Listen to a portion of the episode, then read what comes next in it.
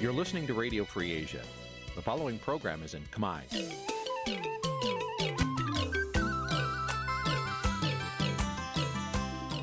Nǐ ជាកម្មវិធីផ្សាយ Vuthu Azizi Serai នេះជាកម្មវិធីផ្សាយរបស់ Vuthu Azizi Serai ជាភាសាខ្មែរ Vuthu Azizi Serai សូមស្វាគមន៍លោកអ្នកនាងទាំងអស់ពីរដ្ឋធានី Washington នៃសហរដ្ឋអាមេរិក ពីរដ្ឋធានី Washington នាងខ្ញុំសកជីវីសូមជម្រាបសួរលោកអ្នកនាងកញ្ញាដែលកំពុងតាមដានការផ្សាយរបស់ Vuthu Azizi Serai ទាំងអស់ជាទីមេត្រីយើងខ្ញុំសូមជូនកម្មវិធីផ្សាយសម្រាប់ព្រឹកថ្ងៃសុក្រ7កើតខែចែកឆ្នាំឆ្លូវត្រីស័កពុរសករាជ2565ត្រូវនៅថ្ងៃទី8ខែមេសាគ្រិស្តសករាជ2022ជាដំបូងនេះសូមអញ្ជើញលោកអ្នកនាងស្ដាប់ព័ត៌មានប្រចាំថ្ងៃដែលមានមេត្តាដូចតទៅ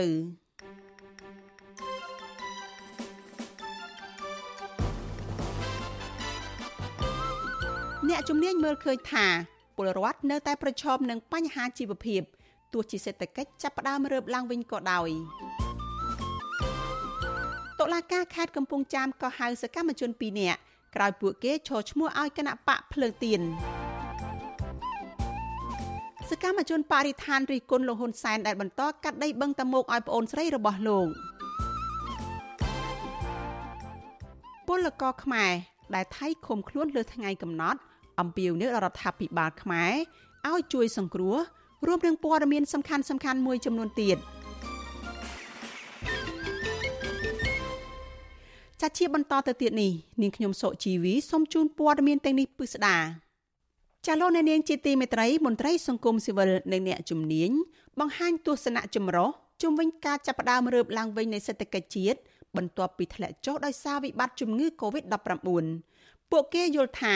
សញ្ញាណនៃការរើបឡើងវិញនៃសេដ្ឋកិច្ចនេះនៅមិនទាន់វិលមករកកម្រិតដូចនៅមុនពេលមានវិបត្តិនេះនៅឡើយទេ ពួកគេបារម្ភថា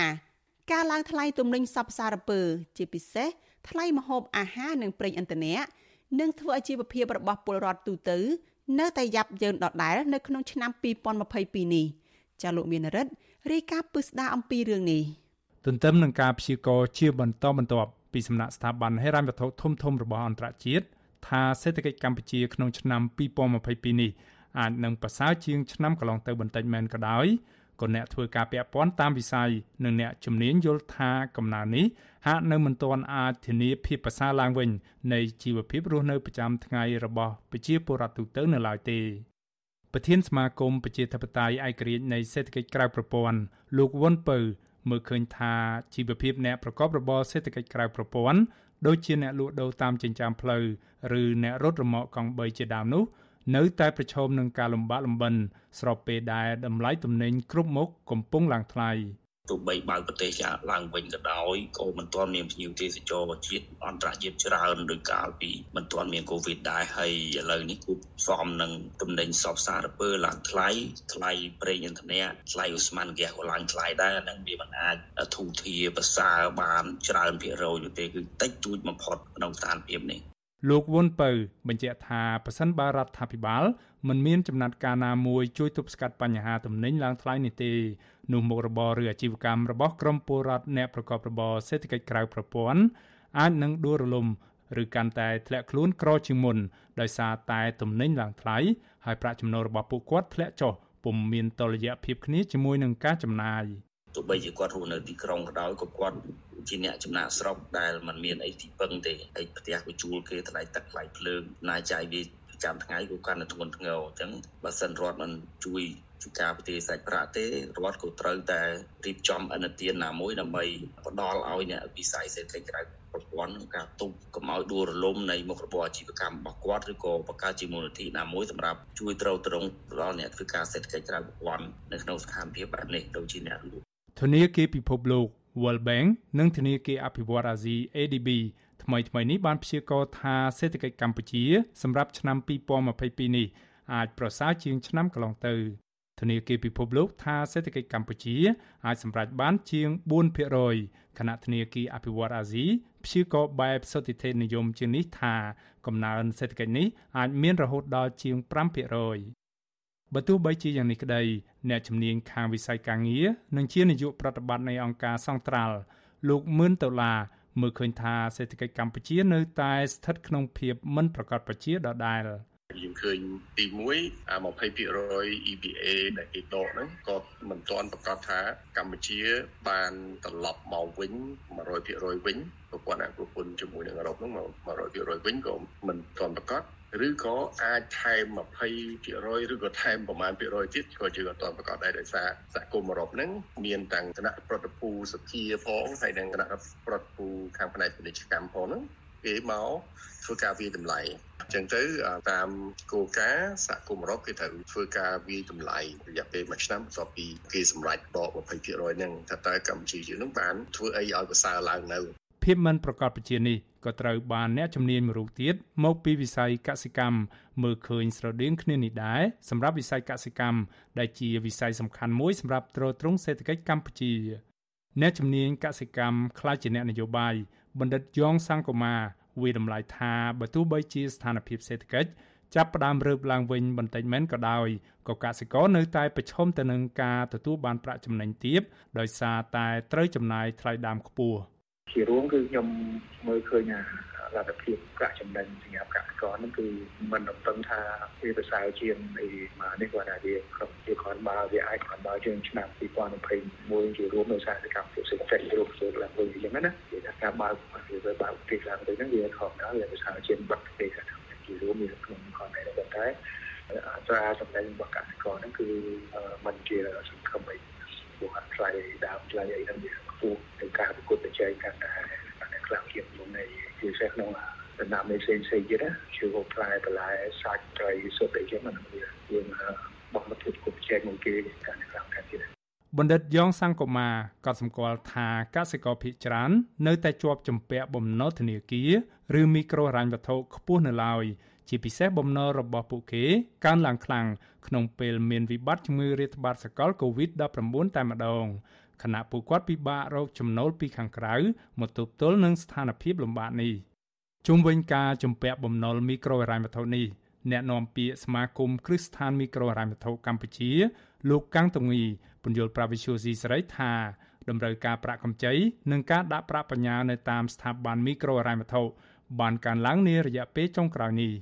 ដោយឡែក ចំពោះចំនួនពលរដ្ឋដែលស្នើសុំកែសម្រួលលក្ខខណ្ឌសងបំណុលឡើងវិញដោយសារតែផលប៉ះពាល់នៃវិបត្តិជំងឺ Covid-19 នោះលោកកាំងតងីក៏សម្គាល់ថាចំនួននេះបានធ្លាក់ចុះជាច្រើននៅក្នុងរយៈពេលចុងក្រោយនេះបើសិនបើខ្ញុំប្រកបន័យ2ឆ្នាំចូលគ្នាហ្នឹងសម្រាប់សមាជិករបស់សមាគមមីក្រូរ៉ាញ់ផុទាំង121ស្ថាប័នហ្នឹងគឺយើងបានធ្វើការរៀបចំអនុទានឡើងវិញដល់ទៅជនប្រមាណជា370000នាក់ ក្នុងទំហំអនុទានសរុបហ្នឹងប្រមាណជា1700លានដុល្លារសហរដ្ឋអាមេរិកហើយក្នុងរយៈពេលពី3ខែដើមឆ្នាំនេះគឺថាចំនួនអតិថិជនដែលធ្វើការរៀបចំឡើងអនុទានស្នើសុំរៀបចំអនុទានឡើងវិញគឺធ្លាក់ចុះទៀតមែនតើអាចថាខ្ទង់ស្ទើរតែអាចក្រោម100នាក់ទៅក្នុងមួយអាទិត្យមួយអាទិត្យអញ្ចឹងណាធនាគារពិភពលោកប្រមាននៅក្នុងការវាតម្លៃអំពីសេដ្ឋកិច្ចរបស់កម្ពុជាកាលពីពេលថ្មីៗនេះ ថាការកើនឡើងនៃអត្រាឆ្លងជំងឺ Covid-19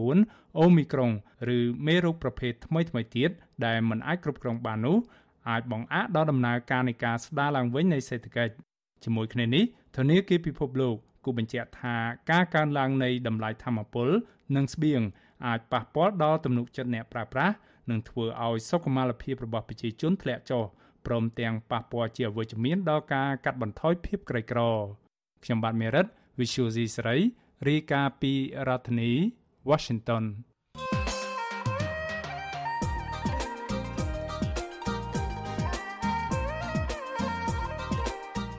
ចលនានាងជាទីមេត្រី ប្រជាពលរដ្ឋបោះឆ្នោតផ្ដល់សេចក្តីទុកចិត្តឲ្យអ្នកតំណាងរា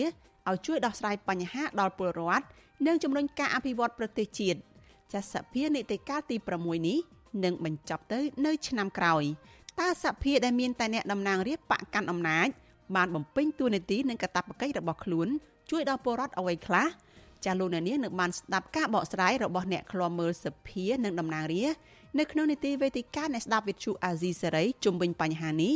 នៅយប់ថ្ងៃសុក្រទី8ខែមេសានេះនៅក្នុងការផ្សាយរបស់យើងពីម៉ោង7កន្លះដល់ម៉ោង9យប់ ចាប្រសិនបើលោកអ្នកនាងចង់បញ្ចេញមតិយោបល់ឬក៏សួរភ្ញៀវរបស់យើងដោយផ្ទាល់ចាលោកអ្នកនាងអាចដាក់លេខទូរស័ព្ទរបស់លោកអ្នកនាងនៅក្នុងខ្ទង់ comment ឬប្រអប់សារ Messenger របស់ Facebook និង YouTube Azizi Saray ចាក្រុមការងាររបស់យើងនឹងហៅទៅលោកអ្នកនាងវិញចាលោកអ្នកនាងជាទីមេត្រីព័ត៌មានតកតនឹងសកម្មជនគណបកនយោបាយវិញម្ដងសកម្មជន2នាក់នៅខេត្តកំពង់ចាមថាតុលាការក៏ហៅពួកគាត់ក្រោយឈរឈ្មោះឲ្យគណបកភ្លើងទៀន ពួកគាត់ចាត់ទុកដោយការតុលាការនៅពេលនេះថាជាការធ្វើទុកបុកម្នេញផ្នែកនយោបាយ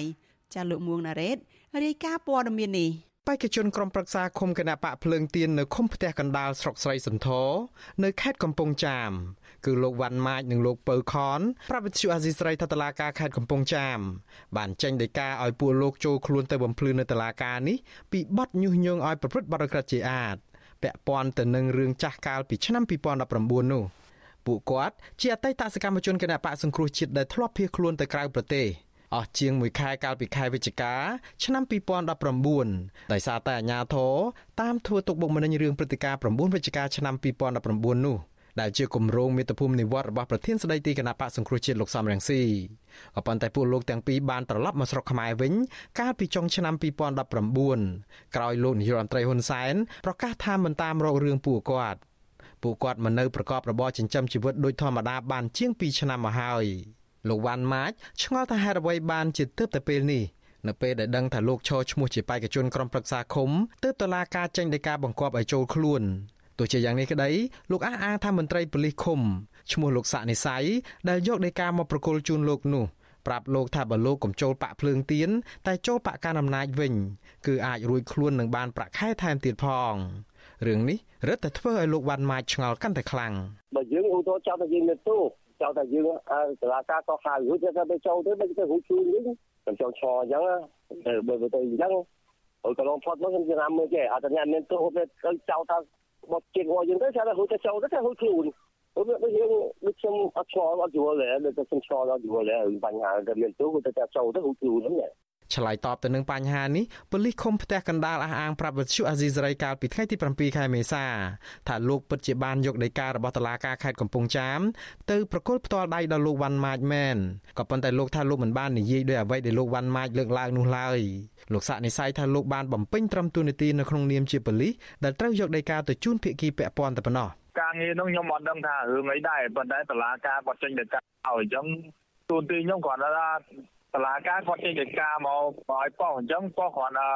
ជូនដំណឹងទៅគាត់ឲ្យគាត់ទទួលបាទឲ្យគាត់ទទួលចង់ទម្លាក់ដីកាហ្នឹងទេកាលពីខែវិច្ឆិកាឆ្នាំ2019ក្រោយតឡាការកម្ពុជាបានចេញដីកាតាមចាប់ខ្លួនសកម្មជននិងមន្ត្រីគណៈបកសង្គ្រោះជាតិជាច្រើនដោយសារតែសារគាំទ្រដំណើរវិលត្រឡប់ទៅប្រទេសកម្ពុជាវិញរបស់លោកសំរងស៊ីនោះមានសកម្មជនគណៈបកប្រឆាំងជាច្រើនបានរត់ភៀសខ្លួនទៅស្រុកថៃឬប្រទេសម៉ាឡេស៊ី ក៏ប៉ុន្តែជាងមួយខែក្រោយមកលោកហ៊ុនសែនបានប្រកាសឲ្យពួកគេចូលមកស្រុកខ្មែរវិញដោយហាមអាជ្ញាធរមិនឲ្យធ្វើទុកបុកម្នេញពួកគាត់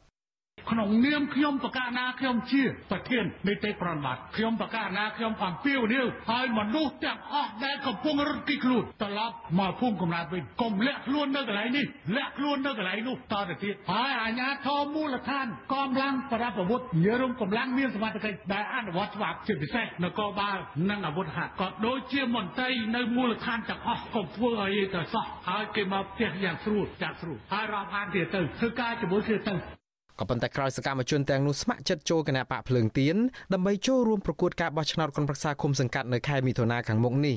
ស្រាប់តែតឡាការកោះកកាយសំណុំរឿងចាស់របស់ពួកគាត់ជាបន្តបន្ទាប់មន្ត្រីខ្លំមើលសិទ្ធិមនុស្សចាត់ទុកទង្វើបែបនេះថាជាការធ្វើទុកបុកម្នេញផ្នែកនយោបាយនាយកប្រតិបត្តិអង្គការសម្ព័ន្ធភាពការពារសិទ្ធិមនុស្សហៅកាត់ថាច្រាក់ លោករស់សថាថាទង្វើបែបនេះគឺផ្ទុយទៅនឹងសាររបស់លោកនាយរដ្ឋមន្ត្រីហ៊ុនសែននិងរដ្ឋមន្ត្រីក្រសួងមហាផ្ទៃលោកសខេងដែលសុទ្ធតែអះអាងថាឲ្យអាជ្ញាធរមូលដ្ឋានកុំធ្វើទុកបុកម្នេញសកម្មជនគណបកប្រឆាំងលោកថាការធ្វើទុកបុកម្នេញសកម្មជនគណបកភ្លើងទៀននេះហាក់បង្ហាញឲ្យឃើញថាគណបកកាន់អំណាចខ្លាចអធិបុលបកនេះដូចខ្លាចអធិបុលគណបកភ្លើងទៀនតែមិនទេនេះខ្ញុំប្រឌិតមើលឃើញគឺជាខ្លាចអធិបុលគណបកភ្លើងទៀនណា បាទអញ្ចឹងហើយបានជាបញ្ហារឿងរដ្ឋបတ်នេះចេះតែមានជាបន្តបន្ទាប់អញ្ចឹងណាលោករស់ស្ថាចាត់ទុកទង្វើរបស់អាជ្ញាធរបែបនេះថាជាការរំលោភសិទ្ធិនយោបាយរបស់ប្រជាពលរដ្ឋដែលឈរឈ្មោះឲ្យគណៈបកនយោបាយដែលខ្លួនស្រឡាញ់ពេញចិត្តលោកបន្ថែមទៀតថាបើស្ថានភាពរដ្ឋបတ်សិទ្ធិសេរីភាពនិងការធ្វើទុកបុកម្នេញលើសកម្មជនបកប្រឆាំងនៅតែបន្តកើតមានបែបនេះ នឹងធ្វើឲ្យប្រជាពលរដ្ឋទូទៅកាន់តែមានមន្ទិលលើបរិយាកាសនយោបាយនៅមុនការបោះឆ្នោតដែលអាចនាំឲ្យការបោះឆ្នោតខាងមុខនឹងមិនអាចប្រព្រឹត្តទៅដោយសេរីត្រឹមត្រូវនឹងយុត្តិធម៌បាននោះឡើយវិទ្យុអាស៊ីសេរីមិនទាន់អាចសុំការបំភ្លឺពីប្រធានអង្គភិបអ្នកណែនាំពីរដ្ឋាភិបាលលោកហ៊ុនសែនគឺលោកផៃស៊ីផាន បាននៅឡើយទេកាលពីថ្ងៃទី7ខែមេសា ការបោះឆ្នោតក្រុមប្រឹក្សាគុំសង្កាត់នៅថ្ងៃទី5ខែមិថុនាខាងមុខនេះមានគណៈបកនយោបាយចំនួន17បានដាក់បេក្ខជនដើម្បីត្រៀមចូលរួមការបោះឆ្នោតនោះនៅក្នុងនោះគណៈបកភ្លើងទៀនបានរៀបបេក្ខជនប្រដំប្រសងទៅនឹងគណៈបកកណ្ដាលអំណាចគឺរៀបបានជាង1600ឃុំសង្កាត់នៅទូទាំងប្រទេសគណៈបកភ្លើងទៀនដែលបដូរឈ្មោះពីគណៈបកសំរៀងស៊ីនេះរងការធ្វើទុកបុកម្នេញច្រើនជាងគេ ពីអាជ្ញាធរមូលដ្ឋាន នៅក្នុងចំណោមគណៈបកនយោបាយទាំងអស់ ខ្ញុំបាទមុងណារ៉េត With you Azizi ពីរដ្ឋធានី Washington លោកអ្នកនាងកំពុងតែស្ដាប់ការផ្សាយរបស់ Vithu Azizi សេរីផ្សាយចេញពីរដ្ឋធានី Washington សហរដ្ឋអាមេរិកចាប់ព័ត៌មានតកតងនឹងការការពារធនធានធម្មជាតិវិញម្ដងចាលោកនាយករដ្ឋមន្ត្រីហ៊ុនសែនបានសម្រេចកាត់ដីបឹងតាមុក20ហិកតាបន្ថែមទៀតទៅឲ្យប្អូនស្រីបង្កើតរបស់លោកដែលបណ្ដាលឲ្យផ្ទៃបឹងនេះកាន់តែរួមតូចបន្ថែមទៀត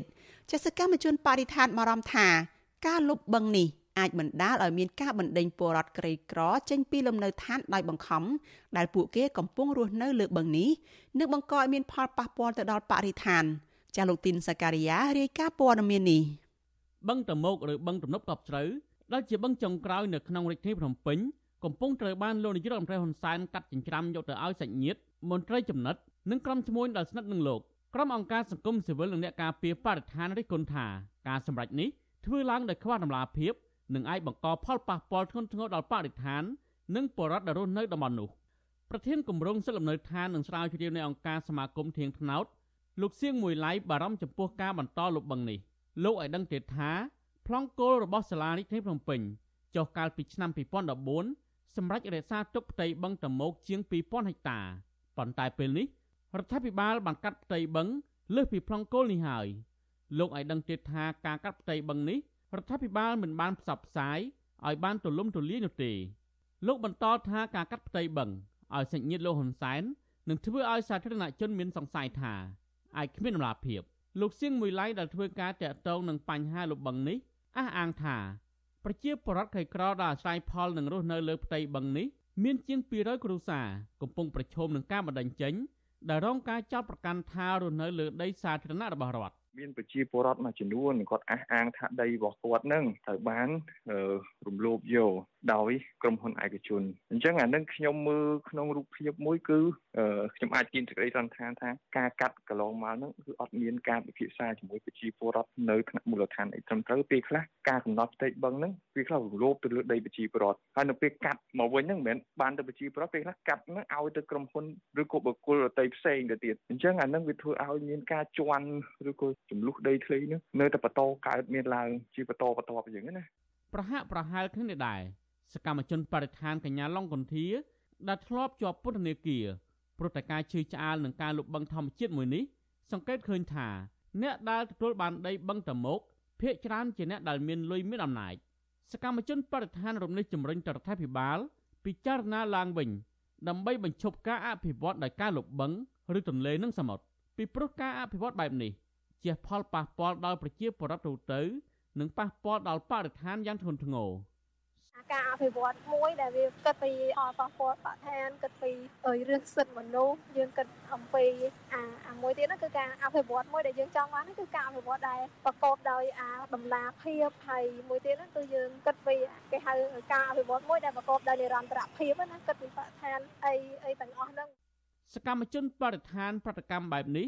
ក្រោយពេលរដ្ឋាភិបាលបានបង្ហាញឯកសារថាលោកហ៊ុនសែនបានបន្តចុះហត្ថលេខាកាត់ផ្ទៃបឹងតមោក ទៅឲ្យមន្ត្រីស្និទ្ធនឹងលោកនិងនៅរយៈពេលចុងក្រោយនេះគឺលោកហ៊ុនសែនបានកាត់ផ្ទៃដីបឹងនេះឲ្យប្អូនស្រីរបស់លោកតែម្ដងសៀវភៅរាជកិច្ចដែលទើបតែបោះពុំផ្សាយកាលពីសប្តាហ៍មុនបង្ហាញថាដីតមោកជាង25ហិកតាបន្ថែមទៀតត្រូវបានលោកហ៊ុនសែនកាត់ទៅឲ្យប្អូនស្រីបង្កើតរបស់លោកគឺនៅស្រីហ៊ុនសេងនីចំនួន20ហិកតានិងកាត់ឲ្យបុគ្គលម្នាក់ទៀតឈ្មោះរស់ព្រីប៊ូចំនួន5ហិកតាផងដែរតើតើនឹងបញ្ហានេះ វិទ្យុអាស៊ីសេរីមិនអាចតតងអ្នកនាំពាក្យរដ្ឋាភិបាលលោកផៃស៊ីផានដើម្បីសុំការបំភ្លឺអំពីបញ្ហានេះបាននៅឡើយទេនៅថ្ងៃទី7មេសាទោះជាយ៉ាងណាកន្លងទៅលោកថ្លែងការពីចំណាត់ការរបស់រដ្ឋាភិបាលថាមុននឹងសម្រេចកាត់ដីទៅឲ្យនរណាម្នាក់ររដ្ឋាភិបាលបានសិក្សាពីផលប៉ះពាល់ច្បាស់លាស់អភិបាលរាជធានីភ្នំពេញលោកខួងស្រេងបានបដិសេធមិនធ្វើអធិប្បាយជំវិញនឹងរឿងនេះទេដែលលោកប្រាប់ថាកំពុងជាប់ប្រជុំបឹងតមុកដែលជាបឹងធំចុងក្រោយនៅរាជធានីភ្នំពេញ មានផ្ទៃក្រឡា3200ហិកតា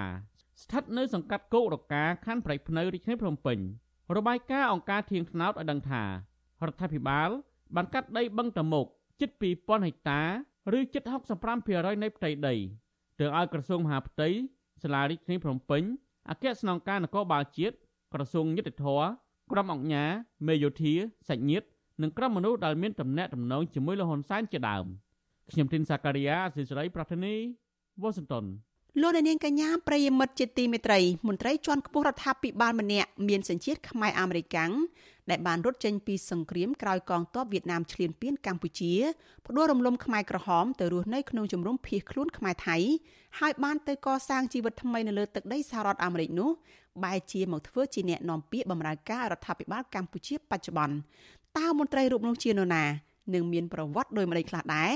ចាសសូមអញ្ជើញលោកអ្នកនាងរងចាំស្ដាប់សេចក្តីរាយការណ៍នេះនៅក្នុងការផ្សាយរបស់យើងនៅពេលបន្តិចទៀតនេះ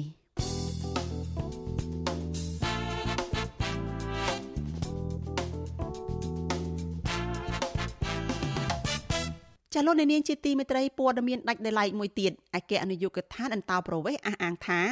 មានករណីជនភៀសខ្លួននិងជនសុំសិទ្ធិជ្រកកោនចំនួន46ករណី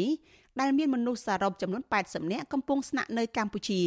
ចារបាយការណ៍របស់អគ្គនាយកដ្ឋានអន្តោប្រវេសន៍ដែលបានបង្ហាញនៅក្នុងសន្និបាតបូកសរុបលទ្ធផលការងារឆ្នាំ2021កាលពីថ្ងៃទី6ខែមេសាឲ្យដឹងថា នៅក្នុងចំណោមនោះដែរមាន37ករណីដែលមានមនុស្ស64នាក់បានទទួលឋានៈជាជនភៀសខ្លួននិង9ករណីដែលមានមនុស្សចំនួន16នាក់គឺជាជនដែលសុំសិទ្ធិជ្រកកោនជាមួយគ្នានេះមានជនជាតិម៉ុងតាញ៉ាវៀតណាមជាអ្នកសុំសិទ្ធិជ្រក កោនដែលធ្លាក់ឋានៈនៅសល់ជាក់ស្ដែងចំនួន8ករណីមានមនុស្ស12នាក់កំពុងរស់នៅកម្ពុជា ស្របពេលដែលបុគ្គលិករបស់អង្គការមូលនិធិអាស៊ីជាពលរដ្ឋអាហ្វហ្គានីស្ថានចំនួន46គ្រួសារដែលមានមនុស្សចំនួន195នាក់កំពុងរស់នៅកម្ពុជាដែរ។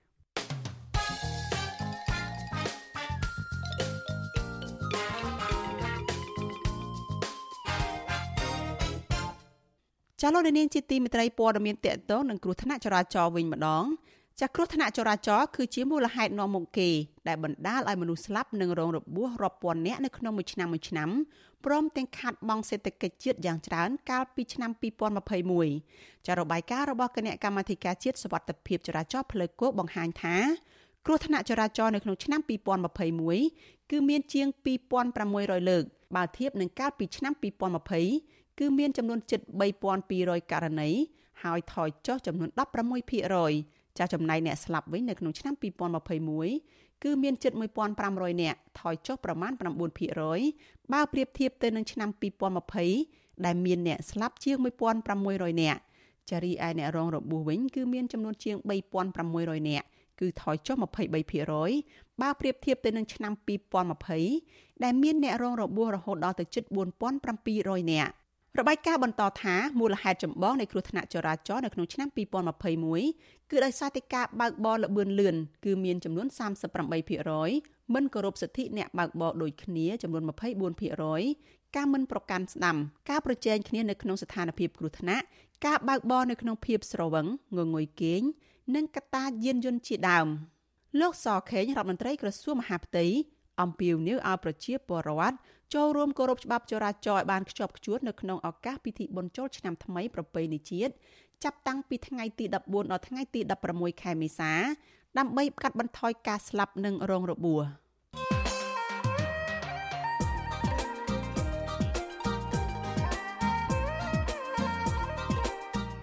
ចលនានាងជាទីមេត្រីប្រជាពលរដ្ឋបោះឆ្នោតផ្ដល់សេចក្តីទុកចិត្តឲ្យអ្នកតំណាងរា ឲ្យជួយដោះស្រាយបញ្ហាដល់ពលរដ្ឋនិងជំរុញការអភិវឌ្ឍប្រទេសជាតិចាសភានីតិកាលទី6នេះនឹងបញ្ចប់ទៅនៅឆ្នាំក្រោយតើសភាដែលមានតែអ្នកតំណាងរាស្ត្របកកាន់អំណាចបានបំពេញតួនាទីនិងកាតព្វកិច្ចរបស់ខ្លួនជួយដល់ពលរដ្ឋអ្វីខ្លះចាលោកអ្នកនាងនឹងបានស្ដាប់ការបកស្រាយរបស់អ្នកឃ្លាំមើលសភានិងតំណាងរាស្ត្រនៅក្នុងនីតិវេទិកាអ្នកស្ដាប់វិទ្យុអាស៊ីសេរីជុំវិញបញ្ហានេះ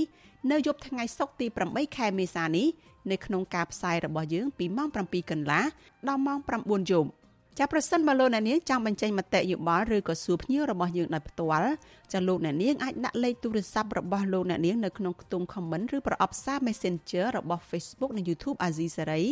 ចាក្រុមការងាររបស់យើងនឹងហៅទៅលោកអ្នកនាងវិញលោកអ្នកនាងកញ្ញាជាទីមេត្រីសេចក្តីរាយការណ៍ពីប្រទេសថៃឲ្យដឹងថា ពលករខ្មែរមួយចំនួនដែលកំពុងជាប់ឃុំនៅប្រទេសថៃអះអាងថាអាញាធរថៃ បានឃុំខ្លួនពួកគេក្នុងពន្ធនាគារលើសពេលកំណត់ជាច្រើនខែមកហើយដោយមិនបានបញ្ជូនត្រឡប់ទៅកម្ពុជាទេ ពួកគេថាការឃុំខ្លួនហួសកំណត់នេះដោយសារតែពួកគេគ្មានប្រាក់បង់ឲ្យប៉ូលីសថៃក្រុមពលករទាំងនេះអំពាវនាវដល់រដ្ឋាភិបាលឲ្យជួយអន្តរាគមន៍ទៅអាជ្ញាធរថៃ ដោះលែងពួកគេឲ្យត្រឡប់ទៅកម្ពុជាវិញដើម្បីបានទៅលេងបុណ្យចូលឆ្នាំថ្មីប្រពៃណីជាតិចាលោកសនចន្ទរដ្ឋារាយការណ៍ព័ត៌មាននេះក្រុមពលករខ្មែរដែលកំពុងជាប់ពន្ធនាគារនៅក្រុងបាងកកត្អូញត្អែថាសប្តាហ៍នេះពួកគេរស់នៅក្នុងគុកយ៉ាងលំបាកវេទនាហើយគ្មានកម្លាំងកំហែងដូចមនុស្សទូទៅទេដោយសារគ្មានអាហារហូបចុកគ្រប់គ្រាន់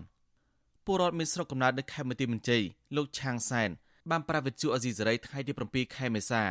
ថាអាញាធរថៃបានចាប់ខ្លួនលោកពីបទនាំគ្រឿងញៀន ចូលក្នុងប្រទេសថៃដោយខុសច្បាប់ហើយតុលាការថៃបានកាត់ក្តីឲ្យជាប់ពន្ធនាគារ17ឆ្នាំបរិះវ័យ38ឆ្នាំរំនេះបន្តថាលោកបានអនុវត្តទោសគ្រប់ចំនួនកំណត់ទៅហើយហើយអាញាធរថៃបានបញ្ជូនលោកទៅមន្ទីរឃុំឃាំងតាប្រវេសស៊ុនភ្លូនៅក្រុងបាងកកដើម្បីបញ្ជូនបន្តទៅកម្ពុជាវិញលោកបញ្ជាក់ថាលោកបានជាប់ឃុំក្នុងមន្ទីរឃុំឃាំងស៊ុនភ្លូលើកំណត់ចិត្ត2ខែមកហើយក៏ប៉ុន្តែប៉ូលីសថៃមិនទាន់ដោះលែងហើយបញ្ជូនលោកត្រឡប់ទៅកម្ពុជាវិញនៅឡើយទេដោយសារលោកគ្មានប្រាក់2000បាត ឬក៏ប្រមាណ56ដុល្លារបង់ឲ្យពួកគេលោកបញ្ជាក់ថាក្នុងពេលជាប់ឃុំនៅស៊ុនភ្លូរយៈពេល7ខែមកនេះលោកគ្មានកម្លាំងកំហែងទេដោយសារក្នុងមន្ទីរឃុំឃាំងមួយនេះអាហារមិនសូវមានជីវជាតិនោះទេ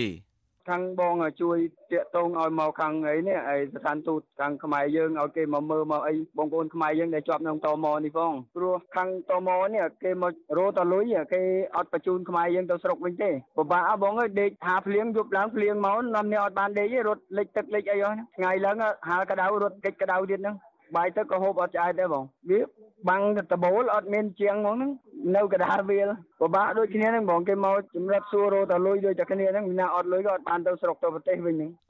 ស្រដៀងគ្នានេះដែរពលរដ្ឋមានស្រុកកំណើតនៅខេត្តពោធិ៍សាត់លោកសៅវិធីថ្លែងថាអាញាធរបានចាប់ខ្លួនលោកដាក់គុកស៊ុនភ្លូរយៈពេល7ខែមកហើយដោយចោទប្រកាន់ពីបទស្នាក់នៅក្នុងប្រទេសថៃដោយខុសច្បាប់ពលករធ្វើការសំណងវ័យ45ឆ្នាំរំនេះបន្តថាលោកពំដឹងថាប៉ូលីសថៃ នឹងឃុំខ្លួនលោករយៈពេលប្រមាណខែទៀតទេដោយសារលោកគ្មានប្រាក់2000បាតបង់ឲ្យប៉ូលីសថៃលោកបន្ថែមថានៅក្នុងបន្ទប់ឃុំឃាំងជាមួយលោកមានពលករខ្មែរចំនួន8នាក់ដោយភាគច្រើនត្រូវបានអាជ្ញាធរថៃចាប់ខ្លួនដោយសារធ្វើការងារខុសច្បាប់ក្នុងនោះមានពលករខ្មែរខ្លះបានជាប់ឃុំឃាំងលើពេលកំណត់ជាង3ខែមកហើយ។ ព្រោះធម្មតាគឺប្រទេសថៃខ្ញុំដូចថាវាឆ្ងល់ដែរកាលពីមុនមកមិនដែរអញ្ចឹងទៅតែសម័យកូវីដគេនេះឯងបើថាចាប់ហើយគេទុកយូរចាប់ហើយទុកយូរបើគេថាតាំងពីទៅត្រួតអាអីគេកូវីដ19ហ្នឹងហើយមកក៏គេនៅតែអញ្ចឹងបងខ្លះជាប់ចូល2ឆ្នាំអត់ទាន់ឲ្យចេញផងគេថាពាក់ព័ន្ធនឹងកូវីដហើយបើថាចង់ចេញលុះត្រាតែមានលុយបងឲ្យថ្លៃអ្នកចៅនាទីនៅឯនៅយាមគុកហ្នឹងបានយើងបានគេសុំទៅខ្មែរយើងវិញបងហើយអ្នកខ្លះទៅឡើងមកដល់ធ្វើការអញ្ចឹងទៅមិនទាន់បានលុយប្រាក់ខែផងគេចាប់បាត់ហើយគាត់មានលុយណាបងហ៎2000មិនបាច់ថាដល់2000នេះតែ10បាតហ្នឹងតែមានផងម្នាក់ម្នាក់ក្រមពលករធានាដឹងថានៅមន្ទីរឃុំឃាំងសុនភ្លូមានពលករខ្មែរជា100នាក់កំពុងជាប់ឃុំលីឡំជាមួយពលករចម្រុះជាតិសាសន៍ពួកគេបានថែមថារយៈពេលប្រមាណ1ឆ្នាំចុងក្រោយនេះអាញាធរថៃហាក់តឹងរឹងខ្លាំងជាងពេលមុនមុនគឺចាប់ពលករខ្មែរដែលធ្វើការងារខុសច្បាប់បញ្ជូនទៅឃុំខ្លួននៅមន្ទីរឃុំឃាំងអន្តរប្រវេសសុនភ្លូរយៈពេលយូរ ក្នុងនោះមានពលករខ្លាចប់ឃុំជិត1ឆ្នាំក៏មានដែរក្រុមពលករទាំងអស់នេះអំពាវនាវមន្ត្រីស្ថានទូតខ្មែរប្រចាំប្រទេសថៃទៅសួរសុខទុក្ខហើយជួយអន្តរាគមន៍ទៅអាជ្ញាធរថៃឲ្យដល់លែងពួកគេត្រឡប់ទៅកម្ពុជាវិញដោយមិនចាំបាច់បង់ប្រាក់2000បាតដើម្បីឲ្យតន់បុណ្យចូលឆ្នាំប្រពៃណីខ្មែរខាងមុខនេះវិទ្យុអាស៊ីសេរី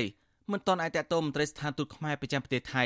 នៅអ្នកនាំពាក្យក្រសួងការបរទេសលោកជុំសុនតរីដើម្បីសូមអត្ថាធិប្បាយអំពីការស្នើសុំរបស់ពលករទាំងអស់នេះបាននៅឡើយទេ នៅថ្ងៃទី7ខែមេសាដោយទូរស័ព្ទចូលពុំមានអ្នកទទួលជុំវិញរឿងនេះមន្ត្រីសម្របសម្រួលសមាគមអាត់ហុកខេមរទីមន្ត្រីលោកសុំច័ន្ទគាមមានប្រសាសន៍ថាការឃុំខ្លួនពលករខ្មែរលើពេលកំណត់គឺជាការបង្ខំមនុស្សដោយខុសច្បាប់ដែលរដ្ឋាភិបាលខ្មែរជាពិសេសមន្ត្រីស្ថានទូតខ្មែរប្រចាំក្រុងបាងកកត្រូវជួយអន្តរាគមន៍ដល់ពលករទាំងអស់នេះជាបន្ទាន់ដើម្បីឲ្យពួកគេមានការបានត្រឡប់ទៅជួបជុំក្រុមគ្រួសារក្នុងថ្ងៃបុណ្យចូលឆ្នាំប្រពៃណីជាតិនៅកម្ពុជា អញ្ចឹងខ្មែរយើងត្រូវដឹងទៅយល់ទាំងអស់ហ្នឹងដើម្បីធ្វើយ៉ាងម៉េចអន្តរាគមន៍ម៉េចឲ្យគាត់បានចេញមកហើយនឹងធ្វើយ៉ាងណាដើម្បីឲ្យអាញាធរថៃប្រទេសថៃហ្នឹងអនុវត្តទៅតាមច្បាប់កុំឲ្យឃើញខ្មែរយើងអត់មានលុយអត់មានកាក់អីចេះទុកចោលអញ្ចឹងទៅដូចជាសម្រាមទៅវាអត់នេះទេវាប៉ះពាល់យ៉ាងខ្លាំងសេចក្តីថ្លៃថ្នូររបស់គាត់ហើយនឹងភាពរស់រានមានជីវិតរបស់គាត់ព្រោះថាគេមានម្ដាយមានកូនមានអីមានវិចារណញ្ញាណគិតដែរអញ្ចឹងខំប្រឹងប្រែងជួយធ្វើម៉េចឲ្យគាត់នឹងបានរួចខ្លួនរួចផុតអំពីការបង្ខាំងមនុស្សខុសច្បាប់នេះផងបាទ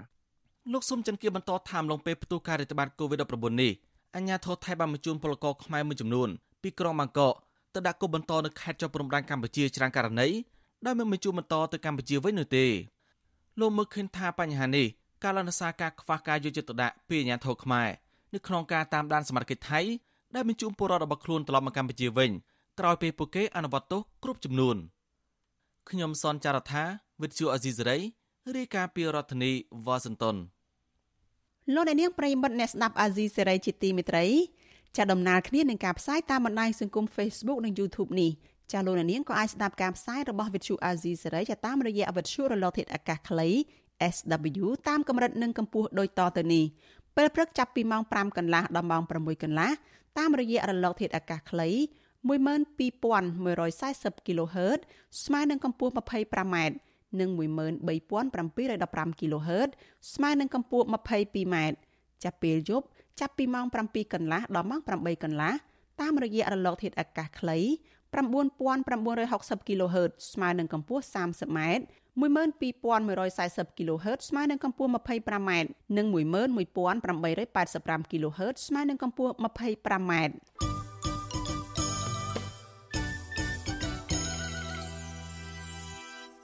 ចាលោកនាងជាទីមេត្រីមន្ត្រីអង្គការសង្គមស៊ីវិលបារម្ភពីពលរដ្ឋជាពិសេសចំពោះស្ត្រីដែលប្រឈមនឹងការបោកបញ្ឆោតលួងលោមពីក្រុមចាប់ចម្រិតយកទៅកន្លែងធ្វើអាជីវកម្មជួញដូរផ្លូវភេទប្រតិកម្មនេះធ្វើឡើងក្រោយពីគណៈកម្មាធិការជាតិប្រយុទ្ធប្រឆាំងអំពើជួញដូរមនុស្សអះអាងថា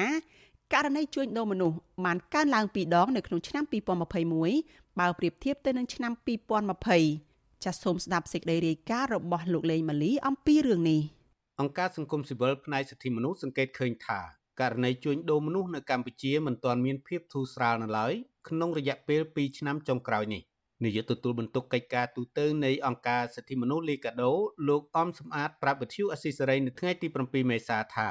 ករណីជួញដូរមនុស្សនៅតែមានសន្ទុះខ្លាំងជាពិសេសការកេងប្រវ័ញ្ចរំលោភបំពានផ្លូវភេទនិងប្រើអំពើហិង្សាលើអនិច្ចជនជាស្ត្រីអាយុក្រោម18ឆ្នាំ។ លោកមើលឃើញថាអាញាធរហាក់មិនបានយកចិត្តទុកដាក់ក្នុងការទប់ស្កាត់បទល្មើសជួញដូរមនុស្សឲ្យមានប្រសិទ្ធភាពនៅឡើយទើបធ្វើឲ្យកម្ពុជានៅតែជាប់ចំណាត់ថ្នាក់ក្នុងការតាមដានពីករណីជួញដូរផ្លូវភេទលើអនិច្ចជនជាស្ត្រី។ ហើយជាពិសេសគឺអំពើហិង្សាមានមានលើផ្លូវភេទការជួញដូរផ្លូវភេទជាដើមហ្នឹងហ្នឹងគឺយើងបានមានការបារម្ភអនិច្ចជនដែលជាស្ត្រីត្រូវបានកើតឡើងខ្ពស់អញ្ចឹងករណីនេះគឺទាមទារឲ្យរដ្ឋាភិបាលបង្កើននីការយកទឹកទុកដាក់ក្នុងការបង្ក្រាបនិងការទប់ស្កាត់ទៅលើករណីនៃការជួញដូរមនុស្សការជួញដូរផ្លូវភេទជាពិសេសទៅលើកុមាររីដែលក្រោម18ឆ្នាំដែលអាចជាក្តីនៃការព្រួយបារម្ភ ប្រតិកម្មរបស់មន្ត្រីសង្គមស៊ីវិលរូបនេះធ្វើឡើងក្រោយពីរដ្ឋមន្ត្រីក្រសួងមហាផ្ទៃលោកសខេងថ្លែងក្នុងពិធីផ្សព្វផ្សាយរបាយការណ៍ប្រយុទ្ធប្រឆាំងអំពើជួញដូរមនុស្សឆ្នាំ2021នៅថ្ងៃទី7មេសាថាករណីជួញដូរមនុស្សនៅតែមានច្រើនគួរឲ្យកត់សម្គាល់លោកសខេងព្រួយបារម្ភថាករណីជួញដូរមនុស្សនេះបន្តកើតមានឡើងក្នុងបរិបទនៃការរីករាលដាលជំងឺ Covid-19 ហើយអំពាវនាវដល់អាជ្ញាធរកុំឲ្យមានការធ្វេសប្រហែសនឹងក្រុមអក្រិតជនជួញដូរមនុស្ស ពួកអក្រិតជនដែលប្រកាន់យកមុខរបរទុច្ចរិតគឺការជួញដូរមនុស្សនេះគឺគេមិនបានបោះបង់ចោលឬបងអង្គដៃក្នុងការជួញដូរមនុស្សនោះទេប្រហែលជាគេអាចនឹងងាយស្រួលឆក់ឱកាសថែមទៀតក្នុងពេលដែលយើងកំពុងជាប់ដៃដោះស្រាយបញ្ហាវិបត្តិគ្រោះធម្មជាតិវិបត្តិអសន្តិសុខបញ្ហាចំនួនផ្សេងផ្សេងវិបត្តិសុខភាពសាធារណៈគេចាត់ទុកថានោះគឺជាឱកាសដ៏ល្អរបស់គេដើម្បីគេធ្វើសកម្មភាពជួញដូរមនុស្សនេះ របាយការណ៍របស់គណៈកម្មាធិការជាតិប្រយុទ្ធប្រឆាំងអំពើជួញដូរមនុស្សបង្ហាញថាកាលពីឆ្នាំ2021កន្លងទៅសមត្ថកិច្ចបានបង្ក្រាបករណីជួញដូរមនុស្សចំនួនជាង200ករណីហើយសមត្ថកិច្ចបានបញ្ជូនជនល្មើសចំនួន400នាក់ទៅតុលាការចំណែកឯជនរងគ្រោះមានចំនួនជិត1400នាក់ក្នុងនោះមានស្ត្រីជិត600នាក់ដែលបានសង្គ្រោះពីករណីជួញដូរមនុស្សនេះចំពោះករណីអាជីវកម្មបេសកចារវិញអាជ្ញាធរបង្ក្រាបបានចំនួនជាង100ករណីក្នុងនោះ 86ករណីជាអនិច្ចជន ដែលបានរងការរំលោភបំពានបៀតបៀនផ្លូវភេទអនុប្រធានអចិន្ត្រៃយ៍នៃគណៈកម្មាធិការជាតិប្រយុទ្ធប្រឆាំងអំពើជួញដូរមនុស្សអ្នកស្រីជូប៊ុនអេងថ្លែងក្នុងពិធីផ្សព្វផ្សាយរបាយការណ៍នេះថាមូលហេតុដែលនាំឲ្យករណីជួញដូរមនុស្សនៅតែបន្តកើតមានឡើងគឺដោយសារសង្គមវិលទៅរកភាពក្រីក្រដោយសារជំងឺ Covid-19 ទើបធ្វើឲ្យក្រុមជនល្មើសដែលមានបណ្ដាញនៅតាមបណ្ដាប្រទេសផ្សេងផ្សេងបដូរទិសទៅកេងប្រវ័ញ្ចនិងជួញដូរនៅកម្ពុជាទោះជាយ៉ាងនេះក្តីលោកអំសំអាតមើលឃើញថាករណីជួញដូរមនុស្សនៅតែជាបញ្ហាប្រឈមមិនមានការទប់ស្កាត់ឲ្យមានប្រសិទ្ធភាពនៅឡើយទេលើពីនេះលោកមើលឃើញថាករណីចាប់បង្ខាំងមនុស្សធ្វើទរណកម្មជំរិតទារប្រាក់របស់ក្រុមអ ுக ្រិតជនបរទេសដែលភ ieck ច្រើនជាជនជាតិចិនក៏បានកើតមានឡើងច្រើនក្នុងរយៈពេលចុងក្រោយនេះដែរ កាលពីដើមខែមីនាក្រុមអង្គការសង្គមស៊ីវិលជាតិនិងអន្តរជាតិបានចេញសេចក្តីថ្លែងការណ៍រួមគ្នាមួយដោយពួកគេព្រួយបារម្ភជាខ្លាំងចំពោះការកើនឡើងនៃការជួញដូរមនុស្សការចាប់បង្ខំឲ្យធ្វើពលកម្មអំពើទេសភាពនិងទារុណកម្មនៅតាមបរិវេណអគារនានានៅកម្ពុជាពួកគេក៏បានបញ្ជាក់ថាការរំលោភបំពានពាក់ព័ន្ធនឹងជនបរទេសត្រូវបានចាប់ជំរិតលក់ជួញដូរឬត្រូវបោកបញ្ឆោតឲ្យទទួលការងារនៅក្នុងខេត្តមួយចំនួនរួមមានខេត្តព្រះសីហនុ ភ្នំពេញពោធិ៍សាត់និងកោះកុងជាដើមជនរងគ្រោះដែលបានរត់គេចខ្លួនរួចបានរាយការណ៍ថាពួកគេត្រូវបានធ្វើបាបទាំងរាងកាយផ្លូវចិត្តនិងរងអំពើហិង្សាពីសំណាក់ក្រុមដែលបង្ខាំងពួកគេតកតងនឹងបញ្ហាជួញដូរមនុស្សនេះក្រសួងការបរទេសសហរដ្ឋអាមេរិកបានផ្ដល់អនុសាសន៍ដល់រដ្ឋាភិបាលលោកហ៊ុនសែនឲ្យគោរពតាមនីតិវិធីស៊ើបអង្កេតដ៏ត្រឹមត្រូវមួយនិងដោយយកចិត្តទុកដាក់ ហើយត្រូវចាប់ជនល្មើសដែលជួញដូរមនុស្សនិងជួញដូរផ្លូវភេទទៅផ្ដន្ទាទោសឲ្យបានតឹងរឹងបំផុតលើពីនេះកម្ពុជាត្រូវពង្រឹងបេសកកម្មការទូតជាមួយប្រទេសពាក់ព័ន្ធនានាដើម្បីជួយជនរងគ្រោះកម្ពុជា នៅបរទេសរួមទាំងប្រទេសគ្មានតំណាងអង្គទូតកម្ពុជាជាដើមរដ្ឋាភិបាលកម្ពុជាត្រូវប្រឹងប្រែងត្រួតពិនិត្យភ្នាក់ងារជ្រើសរើសពលករឯកជន និងឈ្មួញកណ្ដាល ដែលមានអាជ្ញាប័ណ្ណត្រឹមត្រូវឬគ្មានអាជ្ញាប័ណ្ណសម្រាប់ជ្រើសរើសពលករទៅធ្វើការនៅក្រៅប្រទេសដើម្បីជៀសវាងការក្លែងបន្លំនិងការជួញដូរផ្សេងៗទៀតខ្ញុំបាទលេងម៉ាលីវិទ្យុអស៊ីសេរីរាយការណ៍ពីរដ្ឋធានី Washington លោកអ្នកនាងកញ្ញាប្រិយមិត្តជាទីមេត្រីចារឿងដាច់ដライមួយទៀតសាលាឧទ្ធរកាលពីថ្ងៃទី6ខែមេសាបានបើកសវនកម្មលើសំណុំរឿងជនជាប់ចោតឈ្មោះថាខុនវីនីហៅអាវ៉ាអាយុ40ឆ្នាំពីបទសម្លាប់បរិសម្នាក់ ដោយចោទថាចេះអំពើអាបធ្មប់ចាការបើកសវនកម្មនេះធ្វើឡើងបន្ទាប់ពីមេធាវីរបស់ជនជាប់ចោតរូបនេះបានប្តឹងទៅសាលាឧទ្ធរសំណុំរឿងនេះត្រូវបានសាលាដំបងបើកសវនកម្មនិងប្រកាសសាលក្រមកាលពីថ្ងៃទី1ខែកុម្ភៈឆ្នាំ2018 ដោយសម្រេចផ្តន្ទាទោសបរិសុទ្ធចំនួន16នាក់ដែលក្នុងនោះមានឈ្មោះខុនវានីម្នាក់ផងឲ្យជាប់ពន្ធនាគារក្នុងម្នាក់ម្នាក់13ឆ្នាំដោយបដូរបទចោតពីបទឃាតកម្មគិតទុកជាមុនមកជាបទហិង្សាដោយចេតនាមានស្ថានទម្ងន់ទោសដែលបណ្ដាលឲ្យជនរងគ្រោះឈ្មោះពៅសុវណ្ណអាយុ35ឆ្នាំបាត់បង់ជីវិតកាសែតភ្នំពេញប៉ុស្តិ៍ដែលបានស្រង់សម្ដីមេធាវីការពីក្តីឲ្យជនជាប់ចោតខុនវានីហៅអាវ៉ាដែលសុំមិនបញ្ចេញឈ្មោះឲ្យដឹងថា កូនក្តីរបស់លោកមិនបានសម្លាប់ជនរងគ្រោះនោះទេគឺគ្រាន់តែស្រែកឲ្យអ្នកភូមិសម្លាប់ជនរងគ្រោះមែនហេតុនេះលោកមេធាវីស្នើសុំឲ្យតុលាការបន្ថយទោសដល់ជនជាប់ចោតដែលជាប់ពន្ធនាគារអស់រយៈពេល5ឆ្នាំរួចមកហើយប្រធានក្រុមប្រឹក្សាជំនុំជម្រះលោកចៅក្រមសិនវិសាលនឹងប្រកាសសាលដីកានៅក្នុងសំណុំរឿងនេះនៅថ្ងៃទី26ខែមេសាខាងមុខកាលពីល្ងាចថ្ងៃទី27ខែមេសាឆ្នាំ2014មនុស្សក្មេងចាស់ប្រហែល500នាក់ មកពី3ភូមិបាននាំគ្នាមកស្រែកនៅមុខផ្ទះរបស់បរិសឈ្មោះពៅសុវណ្ណដែលមានអាយុ35ឆ្នាំរស់នៅភូមិព្រៃជន្លួញខេត្តតាកែវដោយចោទថាបរិសរូបនោះចេះអំពើអាបធ្មប់ហើយស្រែកឲ្យសម្លាប់រូបគាត់ពេលនោះវងមនុស្សជាច្រើនបានសម្រុកឡើងទៅលើផ្ទះរបស់ជនរងគ្រោះហើយព្រួតគ្នាយកដំបងឈើវាយជនរងគ្រោះនិងគប់ដុំថ្មបណ្ដាលឲ្យជនរងគ្រោះដាច់ខ្យល់ស្លាប់នៅនឹងកន្លែងកើតហេតុ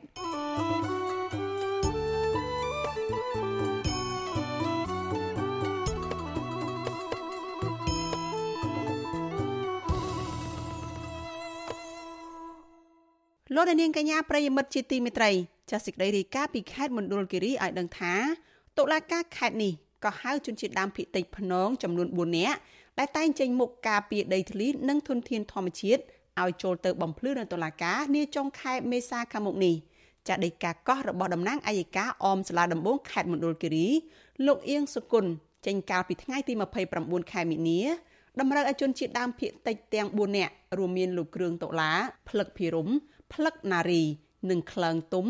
ឲ្យចូលទៅបំភ្លឺនៅតុលាការនៅរសៀលថ្ងៃទី26ខែមេសាតាមបណ្ដឹងរបស់ក្រុមហ៊ុនឯកជនមួយ ដែលប្តឹងពីបទបរិហាកេ និងបទញុះញង់ឲ្យប្រព្រឹត្តបទឧក្រិដ្ឋជាអាត ប្រព្រឹត្តនៅភូមិមេបៃឃុំពូជ្រៃស្រុកពេជ្រជ្រាដាខេត្តមណ្ឌលគិរីចាដីកាដែលលោកក្រាងតុលាយកមកផុសនៅក្នុង Facebook កាលពីថ្ងៃទី7ខែមេសាឲ្យដឹងថាលោកករតនា ដែលពលរដ្ឋអះអាងថាជានាយកក្រុមហ៊ុន Villa Development គឺជាដើមបណ្ដឹងចាវិទ្យុអាស៊ីសេរីមិនអាចតាក់ទងតំណាងពលរដ្ឋលោកគ្រឿងតុលាដើម្បីសួរអំពីបញ្ហានេះបានទេ កាលពីយប់ថ្ងៃទី7ខែមេសាប៉ុន្តែលោកបានប្រាប់សារព័ត៌មានក្នុងស្រុកថាលោកនឹងចូលទៅបំភ្លឺនៅតុលាការតាមដីកានេះពីព្រោះលោកមិនបានបរិហាគេឬក៏ញុះញង់នោះទេជនជាដើមភៀតតិចលោកគ្រឿងតុលាដែលជាសកម្មជនប្រៃឈើនិងបរិស្ថានដ៏សកម្មម្នាក់កន្លងមកធ្លាប់រងបណ្ដឹងជាច្រើននៅតុលាការ ដោយសារតែសកម្មភាពចេញការពីព្រៃនិងបរិស្ថានលោកក៏ធ្លាប់ត្រូវអភិបាលស្រុកអូរាំងលោកសៀកមនីប្តឹងទៅតុលាការពីបទបរិហាកេជាសាធារណៈដែរតែក្រោយមកអភិបាលស្រុករូបនេះបានដកពាក្យបណ្ដឹងទៅវិញដោយលើកហេតុផលថាលោកគ្រឿងតុលាស្ម័គ្រចិត្តការពារបរិស្ថាននៅក្នុងនាមប្រជាពលរដ្ឋនិងការពារប្រពៃណីជនជាដើមភាគតិចនៅក្នុងខេត្តមណ្ឌលគិរីគួរតែគាំទ្រនិងលើកទឹកចិត្តជាមួយគ្នា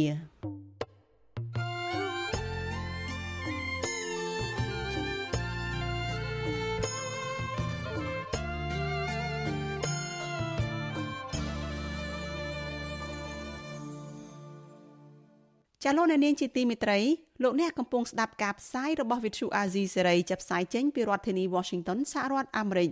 ចាអ្នកវិទ្យាសាស្ត្រឲ្យដឹងថាសត្វប្រចៀវប្រភេទថ្មី ដែលចាប់បានកាលពី20ឆ្នាំមុននៅសួនច្បារក្រុងភ្នំពេញត្រូវគេយកទៅរក្សាទុកនៅសារមន្ទីរប្រវត្តិសាស្ត្រធម្មជាតិហុងគ្រីនៅមិនទាន់ចុះបញ្ជីនៅឡើយចាសត្វប្រចៀវប្រភេទថ្មីនេះត្រូវបានគេដាក់ឈ្មោះឲ្យថា Hayes តំណាងឲ្យកិត្តិយសដល់អ្នកជំនាញសត្វប្រចៀវជាជនជាតិ Ecos ឈ្មោះលោក Ben Hayes សេចក្តីប្រកាសព័ត៌មានរបស់នាយកដ្ឋានជីវវិទ្យានៃសារមន្ទីរប្រវត្តិសាស្ត្រធម្មជាតិហុងគ្រីឲ្យដឹងថាអ្នកស្រាវជ្រាវសត្វប្រជាជាជនជាតិហុងគ្រីគឺលោក Gabor Skoba ដែលបានធ្វើការជាមួយសារមន្ទីរផ្នែកសត្វនិងរុក្ខជាតិអន្តរជាតិនៅប្រទេសកម្ពុជា សង្ស័យយូរហើយថាសត្វប្រជានេះគឺជាប្រភេទថ្មី ដែលមានលក្ខណៈប្លែកពីគេ គឺមានត្រចៀកកណ្ដុរ មានមេដៃពណ៌ស្រាលបាតជើងធំនិងក្រាស់និងមានលលាក្បាលខុសពីសត្វប្រជាផ្សេងទៀតចាប្រទេសកម្ពុជាគឺជាប្រទេសមួយដែលត្រូវគេចាត់ទុកថារករកតិចតួចបំផុតនៅលើពិភពលោកដែលមានសត្វប្រជា30ប្រភេទប៉ុណ្ណោះត្រូវបានកត់ត្រាទុក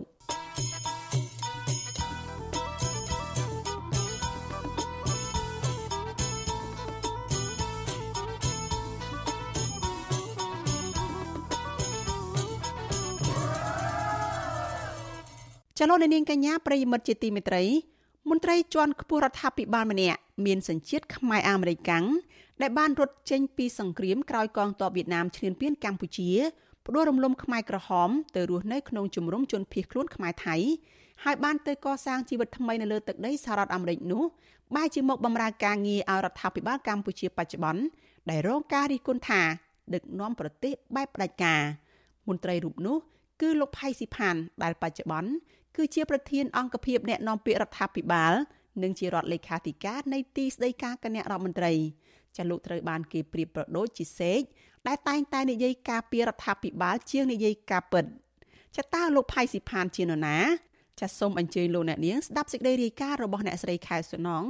អំពីប្រវត្តិជីវិតនិងការងារអ្នកនាំពាក្យរបស់លោកនេះដូចតទៅ ក្នុងវ័យ70ឆ្នាំ លោកផៃស៊ីផានបានបំពេញការងារជាប្រធានអង្គភិបអ្នកណែនាំពាក្យរដ្ឋាភិបាលនៃទីស្តីការគណៈរដ្ឋមន្ត្រីប្រមាណជិត20ឆ្នាំហើយលោកផៃស៊ីផានបានចាប់កាន់តួនាទីនេះតាំងពីឆ្នាំ2005មកលោកបញ្យល់ដោយមិនលាក់លៀមថា ការងារជាអ្នកណែនាំពាក្យរដ្ឋាភិបាល គឺមានន័យថាលោកត្រូវតែការពារផលប្រយោជន៍ដល់រដ្ឋាភិបាលអ្នកនាំពាក្យតែងតែស្វែងរកចំណុចវិជ្ជមានសម្រាប់ផផលប្រយោជន៍រាជរដ្ឋាភិបាលសម្រាប់ ប្រជាពលរដ្ឋអានេះជាការងាររបស់អ្នកនាំពាក្យដូចខ្ញុំមានការពិសោធន៍មួយជាមួយតែខាងគណៈបព្វជិហើយជាមិត្តភ័ក្តិមានមិត្តភ័ក្តិខ្លះនៅអង្គការក្រៅរដ្ឋាភិបាលហ្នឹងផលសង្ឃឹមរបស់គាត់គាត់ហ្នឹងឲ្យខ្ញុំនិយាយដើម្បីផលប្រយោជន៍គាត់គាត់អានេះជាការខុសហើយអ្នកនាំពាក្យគេស្វែងរកអាចចំណុចអ្វីដែលជាវិជ្ជមានជាសម្រាប់រដ្ឋាភិបាលការពៀនឹងការពៀរកចំណុចដើម្បីពន្យល់ អ្នកសារព័ត៌មានពន្យល់សាធារណជនឲ្យយល់អំពីចំហឲ្យយល់អំពីអ្វីទៅដែលការងាររបស់រដ្ឋាភិបាលកម្ពុជារដ្ឋាភិបាលបើទោះជាលោកផៃស៊ីផានបកស្រាយថាមួយចំណែកនៃការងារអ្នកនាំពាក្យរបស់លោក គឺការពៀផលប្រយោជន៍របស់ពលរដ្ឋក្តីក៏កន្លងទៅ គេសង្កេតឃើញថាលោកពុំបានធ្វើដូច្នោះទាំងស្រុងទេ មានរឿងឬរបាយការណ៍របស់អង្គការសិទ្ធិមនុស្សជាច្រើន ដែលលោកផៃស៊ីផាននិងមន្ត្រីនាំពាក្យផ្សេងទៀតតែងបដិសេធឬច្រានចោលដោយទាំងមិនបានអានរបាយការណ៍ឬស៊ើបអង្កេតជាមុនផងទេប៉ុន្តែបែរឆ្លើយការពីរដ្ឋាភិបាលបែបឆ្កងឆ្កង និងបែបខ្វះវិជ្ជាជីវៈទៀតផង ឧទាហរណ៍កាលពីថ្ងៃទី30ខែមិនិនាឆ្នាំ2022នៅពេលដែលគ្រួសារនិងសាច់ញាតិពលរដ្ឋរងគ្រោះដែលស្លាប់ក្នុងព្រឹត្តិការណ៍គប់គ្រាប់បែកថ្ងៃទី30ខែមិនិនាឆ្នាំ1997នាំគ្នាធ្វើបន់ប្រចាំឆ្នាំដើម្បីគោរពនិងឧទ្ទិសដល់វិញ្ញាណក្ខន្ធអ្នកដែលបានចែកឋានទៅហើយក្តីក៏លោកផៃស៊ីផានចាត់ទុកថាពលរដ្ឋទាំងនោះបានប្រើប្រាស់ពិធីបន់រំលឹកខួប25ឆ្នាំនេះដើម្បីធ្វើជាពាណិជ្ជកម្មនយោបាយតែប៉ុណ្ណោះ។ ការធ្វើបាំងស្ទូលបាំងអីហ្នឹងគ្រាន់តែដើម្បីគេចាប់អារម្មណ៍យកព្រឹត្តិការណ៍ហ្នឹងដើម្បីធ្វើជាពាណិជ្ជកម្មនយោបាយនៅតុលាការគឺនៅតែបើកករណីហ្នឹងសម្រាប់ទទួលពាក្យបណ្ដឹងទទួលព័ត៌មានពីសាធារណជន ពីអង្គការណាមួយដែលនៅក្នុងដែនយុទ្ធសាស្ត្រការរបស់បកខ្លួនប្រសាសន៍បែបនេះហើយដែលប្រហែលជាបច្ច័យមួយដែលធ្វើឲ្យលោកអាចរក្សាតំណែងអ្នកនាំពាក្យនេះបានយូរអង្វែង។ ព្រះសង្ឃដែលជាអ្នកផ្ដល់អាវ៉ាត់អប់រំទូមានព្រានប្រដៅឲ្យមនុស្សរស់នៅប្រកបដោយសិលធម៌ក្នុងសង្គមរិះគន់ថាសម្ដីឆ្លើយតបរបស់មន្ត្រីសាធារណៈបែបនេះគឺមិនសមហេតុសមផល និងជាការប្រមាថកាតទៀនដល់ជនរងគ្រោះថែមទៀតផងប្រដេជប្រគុណបណ្ឌិតហុកសាវ៉ាន់គង់នៅវត្តខ្មែរក្នុងប្រទេសកាណាដា មានថេរដីកាថាមានមន្ត្រីដឹកនាំប្រទេសជាតិដែលប្រើប្រាស់ពាក្យសម្ដីគំរាមកំហែងសម្ដីហិង្សា ជេរប្រតិចបដាសា ភាសារើសអើង ប្រមាថមើលងាយនិងប្រើសម្ដីអសុរោះទៅលើប្រជាពលរដ្ឋដែលមិនមែនជាបពពួករបស់ខ្លួននិងអាចវិនិច្ឆ័យដល់ជាតិនៅពេលដែលពួកគេនៅតែមិនព្រមកែខ្លួន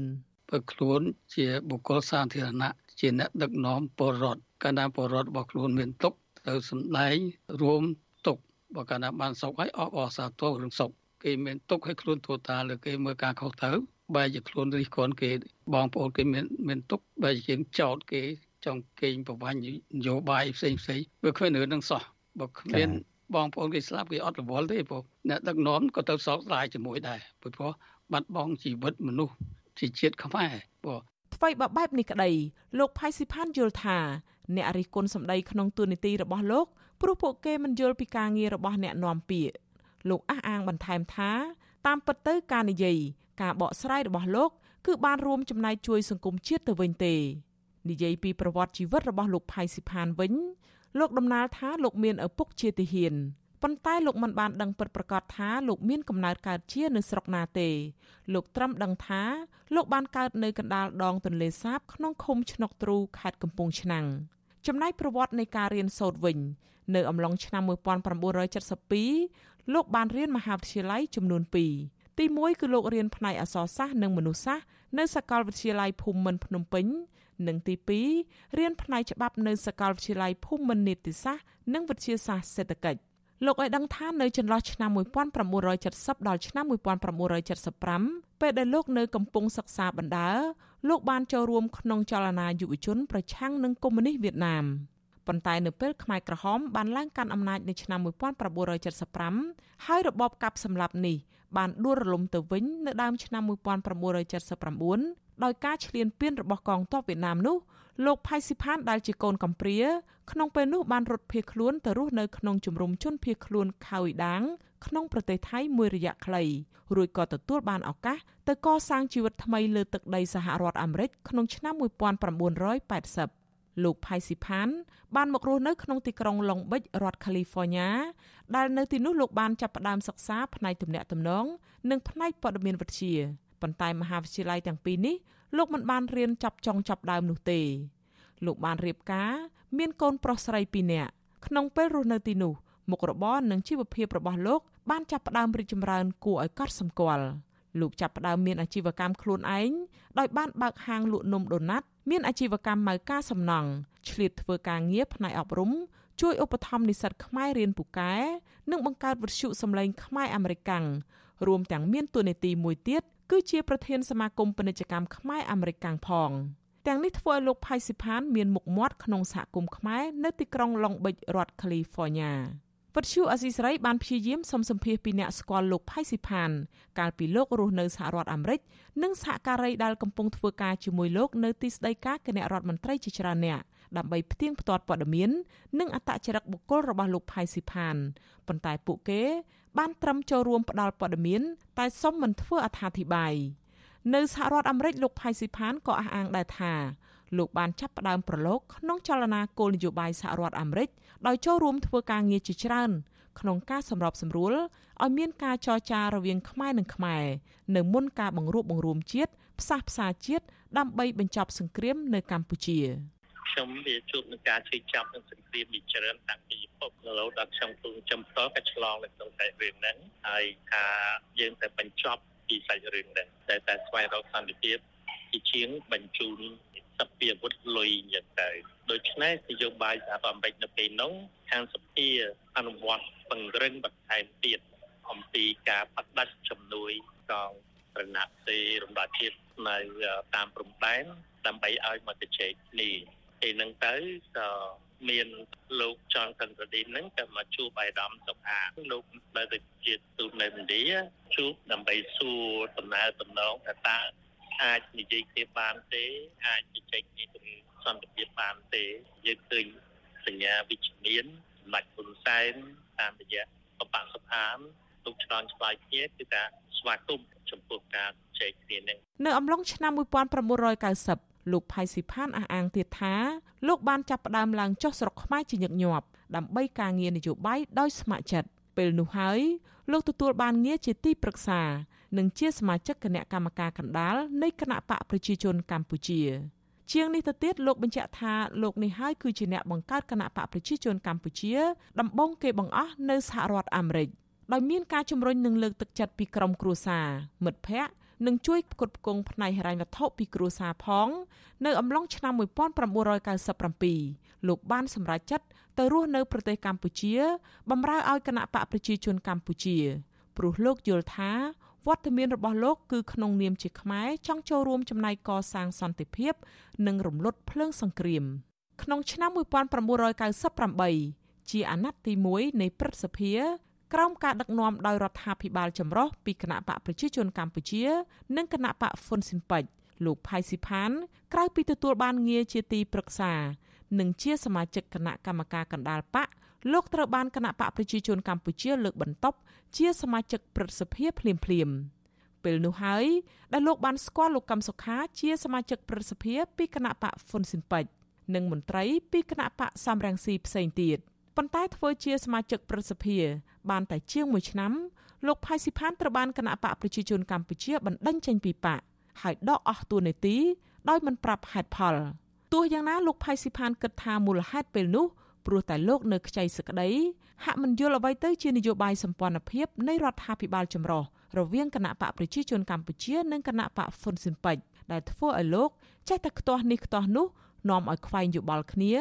បណ្ដាលឲ្យមានភាពល្អកករំខានដល់សម្ព័ន្ធភាពនៃគណៈបកទាំងពីរក្នុងគ្រាដែលលោកអស់តំណែងរលីងពីខ្លួន លោកផៃស៊ីផាន បានត្រឡប់ទៅសហរដ្ឋអាមេរិកវិញ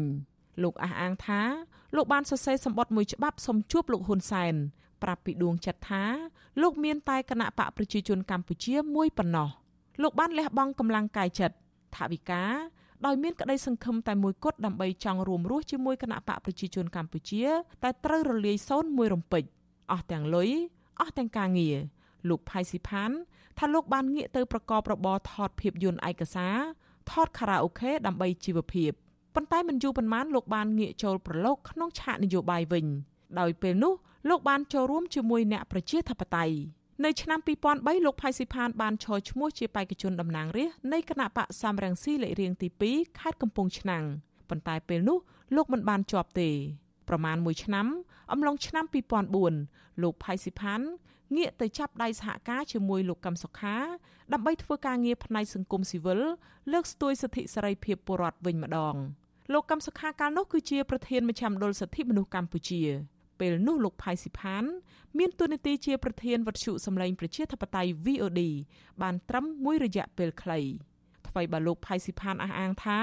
លោកធ្លាប់សរសេរសម្បត្តិបញ្ជាក់ប្រាប់ពីដួងចិត្តរបស់លោកទៅលោកហ៊ុនសែនថាលោកស្មោះស្ម័គ្រតែគណៈបកប្រជាជនកម្ពុជាមួយក៏ដោយក៏ក្នុងពេលបម្រើការងារឲ្យវិទ្យុសម្លេងប្រជាធិបតេយ្យ VOD នៃមជ្ឈមណ្ឌលសិទ្ធិមនុស្សកម្ពុជាលោកបានប្រើពាក្យសម្ដីចោទចំចំក្នុងពេលផ្សាយផ្ទាល់ថាលោកហ៊ុនសែនជាអ្នកពាក់ព័ន្ធក្នុងព្រឹត្តិការណ៍បាញ់សម្លាប់មេដឹកនាំសហជីពល្បីឈ្មោះលោកជាវិជា កាលពីថ្ងៃទី22មករាឆ្នាំ2004 ទោះជាយ៉ាងណា មិនយូរប៉ុន្មានស្រាប់តែលេចមុខលោកផៃស៊ីផានវិលទៅទ្រនំចាស់វិញជាមួយគណៈបកប្រជាជនកម្ពុជាដោយលោកទទួលបានតួនាទីជាអ្នកនាំពាក្យនិងជារដ្ឋលេខាធិការនៃទីស្តីការគណៈរដ្ឋមន្ត្រីរហូតមកទល់នឹងពេលបច្ចុប្បន្ននេះក្នុងពេលលោកបានក្លាយជាអ្នកនាំពាក្យលោកផៃស៊ីផានផ្លាស់ប្ដូរជំហរភ្លាមក្រុមអង្គការសង្គមស៊ីវិលនិងអ្នកសង្កេតការមើលឃើញថាលោកផៃស៊ីផានតែងនិយាយការពីរដ្ឋាភិបាលជាជាងនិយាយការពិត ក្នុងខួបទី18ឆ្នាំ2022នៃគិតកម្មលើលោកជាវិជាលោកផៃស៊ីផានដែលធ្លាប់អះអាងថាប្រមុខរដ្ឋាភិបាលជាប់ពាក់ព័ន្ធក្នុងគិតកម្មលោកជាវិជានោះបែជាក្រឡាច់មកថាមកទល់ពេលនេះរដ្ឋាភិបាលគ្មានតម្រុយអ្វីថ្មីទេពាក់ព័ន្ធទៅនឹងគិតកម្មលោកជាវិជាហើយបើសិនគ្រួសារសាច់ញាតិនិងមិត្តភ័ក្តិចង់បានយុត្តិធម៌ត្រូវស្វែងរកភ័ស្តុតាងដាក់ជូនមកអាជ្ញាធរដោយខ្លួនឯងឆ្លើយតបទៅនឹងសំណួរថាតើការងារជាអ្នកនាំពាក្យ លោកទទួលរងសម្ពាធបែបណានិងជួបការលំបាកយ៉ាងណានៅពេលដែលសាធារណជន តែងលើកឡើងថាការបកស្រាយរបស់លោកមានភាពលំអៀងនោះលោកផៃស៊ីផានដកដង្ហើមធំ ហើយឆ្លើយតបក្នុងសម្លេងហាក់ហត់នឿយនិងទទួលស្គាល់ថាលោកធុញថប់នឹងការងារនេះខ្លះដែរក្នុងមុខតំណែងនេះលោកផៃស៊ីផានធ្លាប់ត្រូវបានលោកនាយករដ្ឋមន្ត្រីហ៊ុនសែនថ្លែងស្ដីបន្ទោសមុខក្បាលមេក្រូជាសាធារណៈនៅពេលដែលលោកបកស្រាយមិនត្រូវចិត្តលោកហ៊ុនសែនខ្ញុំបានថា ធ្វើអ្នកនាំពាក្យកុំជាប់ល្បីមើលស៊ីសោកទៅណាខ្ញុំបានបញ្ចប់តែយ៉ាងណាលោកផៃស៊ីផាន បានបកស្រាយដោយប្រៀបធៀបថាទោះបីប្តីប្រពន្ធកូននិងម្ដាយក៏គង់តែប៉ះទង្គិចគ្នាហើយលោកក៏មិនខឹងនឹងការស្ដីបន្ទោសពីថ្នាក់ដឹកនាំឬការរិះគន់នានាដែរដោយលោកចាត់ទុកថាជារឿងធម្មតាផ្ទុយទៅវិញលោកបានបង្ហាញនៅមោទនភាពហើយថាពេញចិត្តចំពោះការងារនេះ អ្វីបើបែបនេះក្តីលោកបញ្ជាក់ថាដោយសារកត្តាសុខភាព និងវ័យរបស់លោកផង រយៈពេល2ឆ្នាំទៅមុខទៀតលោកនឹងឈប់សម្រាកពីការងារនេះអ្វីដែលខ្ញុំរីករាយគឺខ្មែរអមេរិកម្នាក់ដែលទៅអង្គុយនៅកន្លែងទៅនោះខ្ញុំអត់មានបង្ហាញហើយនឹងធ្វើឲ្យគេឃើញនៅអង្គើអតកម្ម ឬអំពើពុករលួយទេគឺខ្ញុំបានប្រាជ្ញាគឺអត់មានទេដូច្នេះខ្ញុំបានលើកតម្កើងនៅលទ្ធិប្រជាធិបតេយ្យដែលជាទិសដៅរបស់យើងខ្ញុំលើកតម្កើង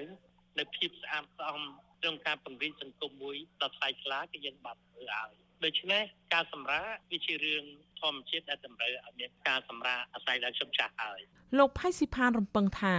ក្រោយសម្រាប់ពីការងារនេះ លោកនឹងប្រើប្រាស់ជីវិតចុងក្រោយដ៏រីករាយរស់នៅលើទឹកដីខ្មែរមិនវិលទៅរស់នៅសហរដ្ឋអាមេរិកវិញទេ លោកបង្ហើបថា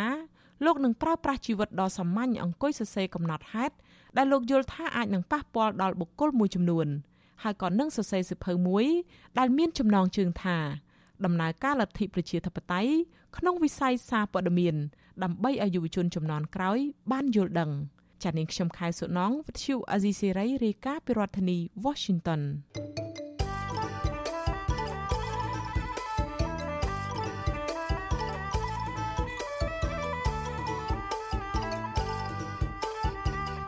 ចាលោកនាងកញ្ញាជាទីមេត្រីចាការផ្សាយរយៈពេល1ម៉ោងរបស់វិទ្យុអាស៊ីសេរីនៅព្រឹកនេះចាចាប់ត្រឹមតែប៉ុណ្ណេះនាងខ្ញុំសុជីវីព្រមទាំងក្រុមការងារទាំងអស់នៃវិទ្យុអាស៊ីសេរី